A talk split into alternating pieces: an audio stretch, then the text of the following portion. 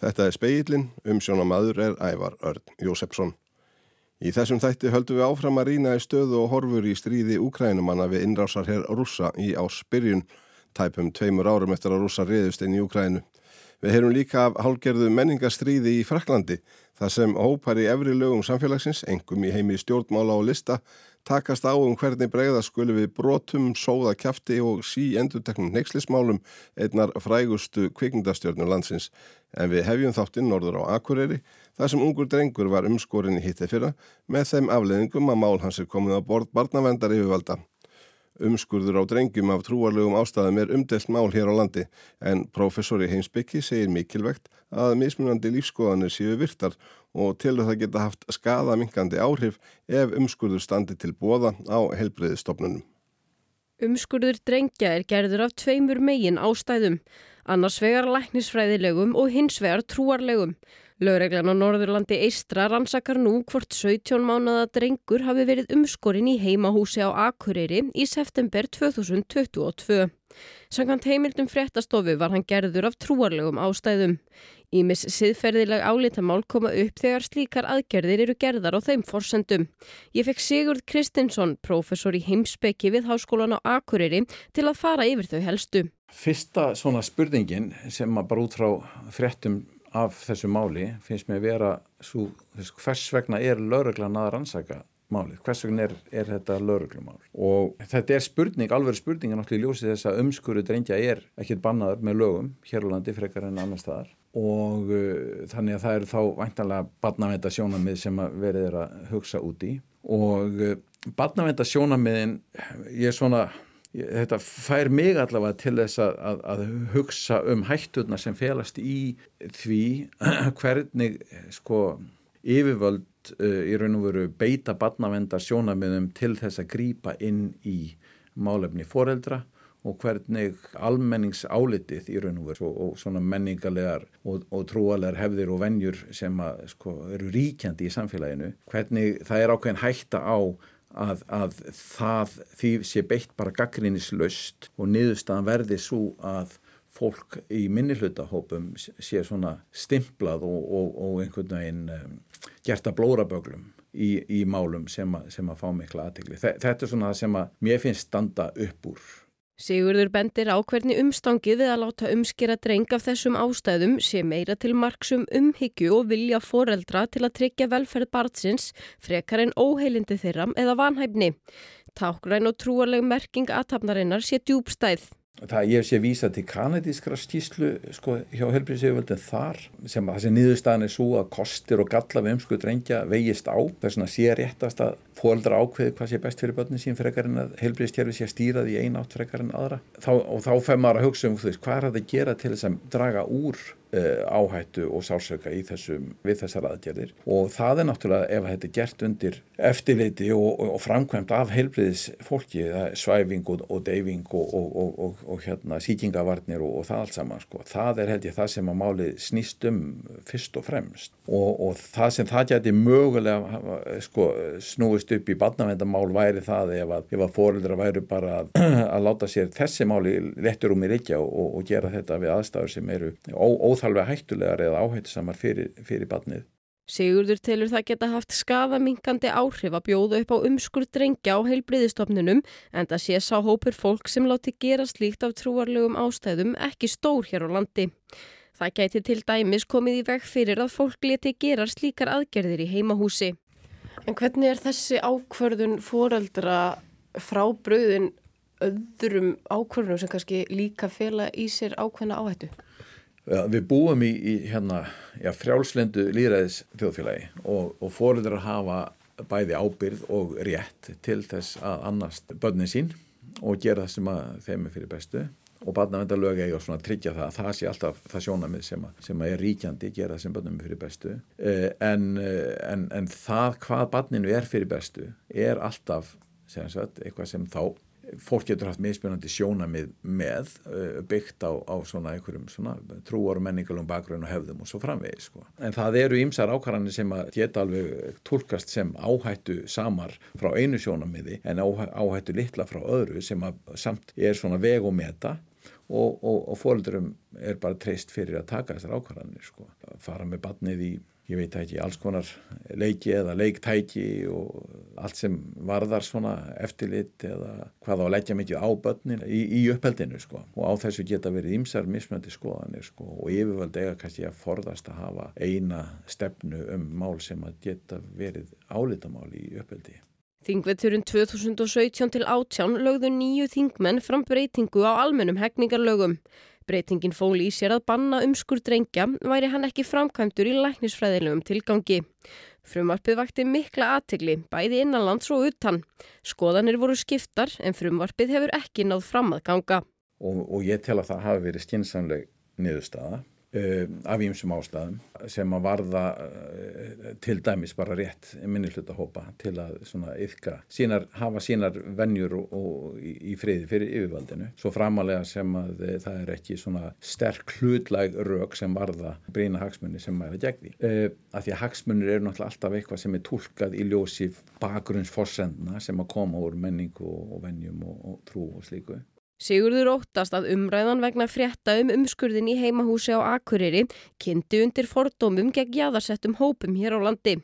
Á Íslandi hafi lengst af ríkt menningarleg einsleitni þar sem ekki hafi reynt á kynni við eða umburðarlindi kakvart öðrum menningarheimum en mér finnst þetta kannski standa á smá tímamótum núna. Ætlum við að, að, að rökva í baklás og fara í svona einhverja vörn fyrir okkur sjálf og, og óta við það sem er framandi og réttleita það með þessu einhverjum þjóðverðnis kjendar rökum sko. Það er náttúrulega ákveðin pólitísk tilneying víðum lönd akkurat núna það er ein, eru einmöguleg viðbröð við þessu en, en ég vona við förum í aðra átt. Ég vona við, við getum kannski þroskast rætt í áttina að e, frjálslindu fjölmenningar þjóðfélagi þar sem að það er tekin alvarlega krafa til borgarna um að virða mismunandi trúar og menningarleg sjónamið e, annara sem að tilhæra sama ríki og þá krafa til yfirvalda um að hafa aðeins heimil á sér þegar kemur að því að setja lögureglur sem að mögulega standast ekki skoðun frá sjónarhóli sko allra þeirra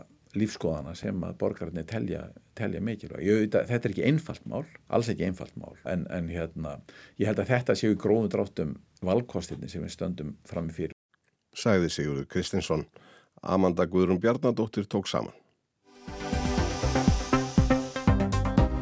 Í speiklinum í gær erindi Erlingur Erlingsson hernaðasakfræðingur í stöðuna í innrásastriði rússa í Ukrænu og mögulega þróun þess á þessu ári. Við tökum nú upp þráðin þar sem frá var horfið og spyrjum Erling hvort hann sjáu fyrir endan á þessu stríði í fyrirsjáunlegri framtíð. Ekki í bráð. Uh, það verið einhver merki í fjölumölum að það sé sprottin fram nýjir samningsvilji hjá Putin sem að allir sem að fylgjast með rúsneskum stjórnmálum vita er bara útspil af hans hálfu til að tefja og drepa málinn á dreif og grafa undan frekari stuðningi á Vesturlöndum. Þannig að eina vonin til þess að átök breytist og, og, og endi einhvern tíman á, á næstu árum ég held að við séum að tala um ári í þessu tilfelli að, að það er að Ukrænum gangi betur á vývellinum og þá er það Europasamönduð og Bandaríkin og já og, og Íslands stjórnvöld sem að, sem að þurfa að standa keik og styðja stjórnvöld í kýf það, það er ákvæmlega mikilvægt En þótt íslensk stjórnvöld hafi líst því yfir að þau muni áfram stiðja úkrænumenn og frekar bæta í en hitt, þá verðist hafa dreyið talsvert úr stöðningi og hernaðaraðstóð Vesturlanda, engum þeirra öflugustu, þar að segja bandaríkjana og Evrópusambandsins. Þar er þó ekki endilega allt sem sínist, segir Ellingur. Það eru svona yfirborðsmerki en svo ef maður les kannski aðeins dýbra, ef við, ef við kannski tölum um ESB fyrst, þá var tvent sem að ESB var að reyna að koma í gegn og ná, ná samstöðum, það var annars umfansmikið fjárhærslegu stuðningur sem að ungverjar bremsuðu og hins vegar að hefja aðeldaferli nú aðeldaferlið hófst meðan að fórseti ungverjarlands brá sér á klósitið eins og við þekkjum. Þannig að það, það er mjög mikilvægt skref fyrir Úgrænu og mjög sterk pólitísk yfirlýsing til langs tíma. Nú samþygt Európa-sambandsins á fjármaksflutningum og fjármaksstuðningi upp á 50-60 miljardar dólara það er eftir að leysa það með öðrum hætti. Ríki innan bandalagsins geta tekið sér saman og gert það í raun og vera án framgættisjórnarinn án ungverðarland svo þannig að ég ávonu því að það sástuðningur muni berast. En það er meiri vandræði í bandaríkunum? Já, það, það er nákvæmlega þannig að þar er staðan miklu erfiðari. Uh, republikanar virðast hafa ákveðið að að Joe Biden sé svo afleitur að öllu leiti að, að Putin og Xi Jinping séu, séu betri vantanlegir bandamenn heldur en hann.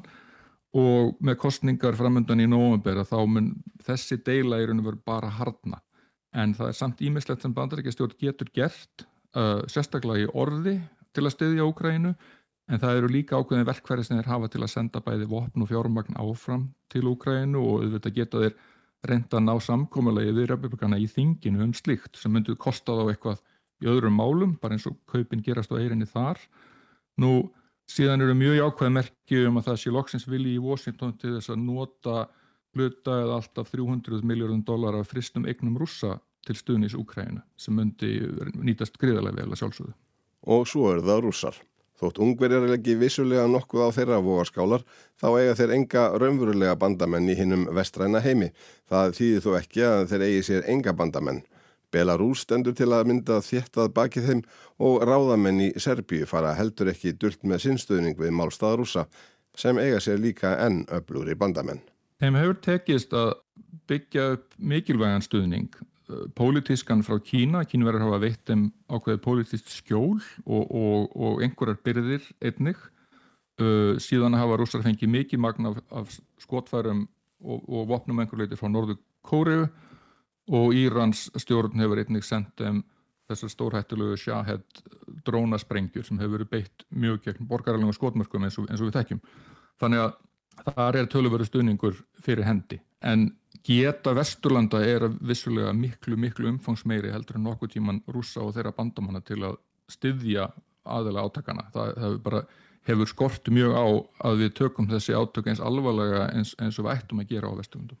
En ef Vesturlund auka stuðning sinn á ný, útvega úkrænumönnum enn fleiri og öflugri strístólaborðið orustu þóttur, ofur skriðdrekka og fullkomin eldflugavarna og stórskota kerfi, herða rússar þá ekki einfallega sínar aðgerðir að sama skapi. Það hefur lengi verið kannski feilspor stjórnmálamanna á Vesturlundum að, að halda það með að styðja Úkrænu í sjálfsvörn sé það gríðarlega augurinn gagvart rússum og þeir muni í raun og veru gefa í eins og þú segir rússar hafa staðið bensinnið í botni í raun og veru allt, allt þetta stríð og, og reynd af fremstamegni að, að knésjetja Úkrænu og, og eigða Úkrænu að fullu eins og mark, yfirlist markmið þeirra er eina, eina spilið sem er í erminu og þeim er að okna nótkunn kjarnavopna sem er óðsmannsæði og, það er og veru ekkert sem gefur til kynna um að svo fæling ætti að vera raunveruleg af því það er vopn sem að rússar get ekki beitt til að breyta stöðun á vývellinu mann einu marki og staða þeirra í alþjóða samfélaginu er þau auðvitað gjör breytt til þessi verra ef þau myndu dyrfast að gera það. Sæði Erlingur Erlingsson.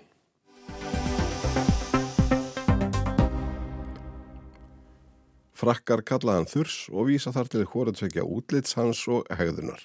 Kunnasti og umdildasti kvikmyndaleikari frakka, Gerard Depardieu, er enn og aftur í sviðsljósinu, en ekki fyrir kvikmyndaleik frekarinn fyrir daginn.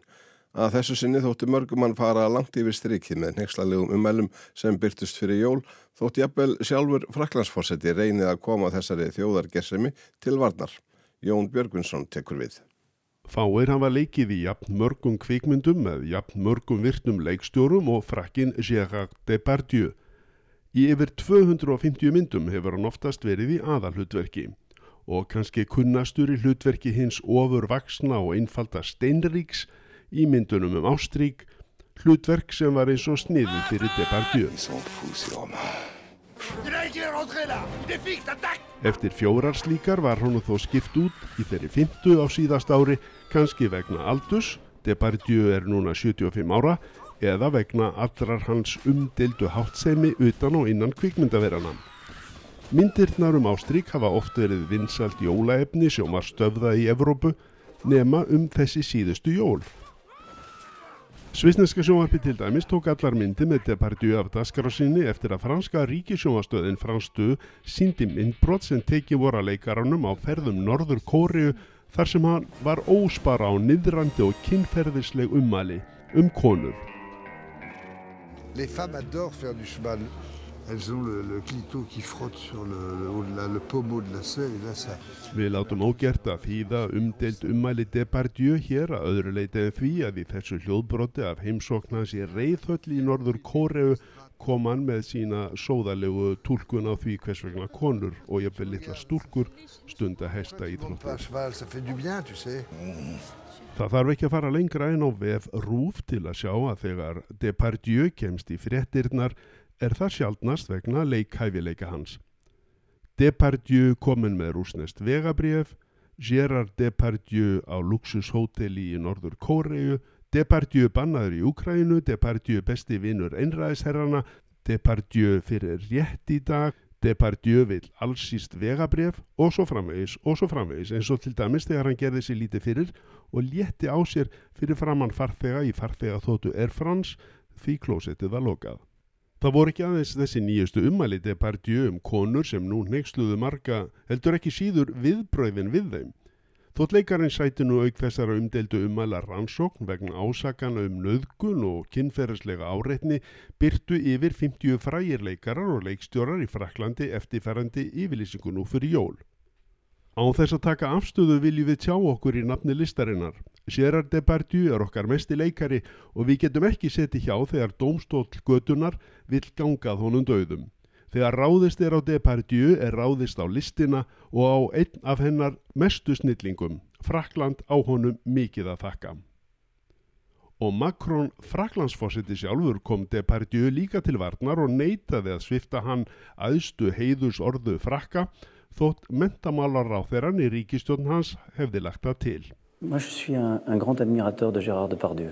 Ég er mikill aðdáandi Depardieu. Hann er stórleikari og snillingur á sínu listasviði. Hann hefur flutt hróður okkar mestu höfunda og sögupersona um heimallan og sem bæði frakki og Fraklands fósiti get ég fullir að Frakland getur verið stolt af honum. Le dis en tant que président de la République, en tant que citoyen, il rend fier la France.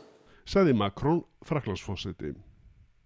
En þótt Frakland sé stolt af þessari þjóðar gersimi er það ekki endurgóldið. Depardieu sneri baki við landinu vegna skattheimtu, flutti heimili sitt til Belgíu og fyrir tíu árum bað hann Pútinum að veita sér rúsneska ríkisborgara rétt.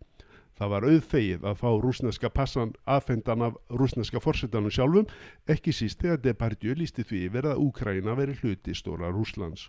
Orð sem hann reyndi reyndar að draga tilbaka þegar Rúslands fósetti let hersinn ráðast inn í Úkrænu.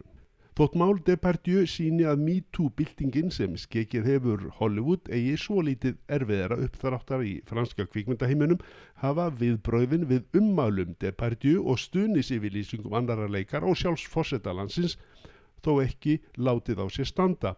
Því nú hafa 2500 listamenn líst andu sinni á kvorutvekja í nýjasta kabla þessa máls. Donc on pourrait penser que finalement le cinéma a fait son MeToo, le cinéma a appris de tout ça.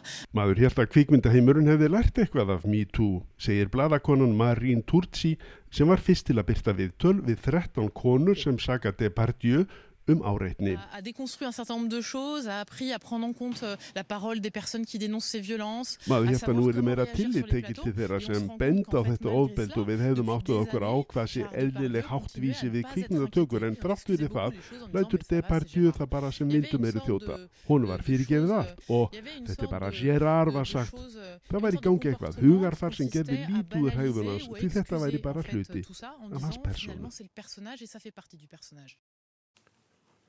Það var Jón Björgusson sem sagði þarna frá. Fleira er ekki í speiklinum í dag. Það var Markus Hjaltarsson sem var við takkana á, á uh, hljóðblöndunar bekknum þennan daginn. Það er hægt að hlusta á speilin á vefnum okkar rú.is og líka á öllum helstu streymis veitum. Veriði sæl.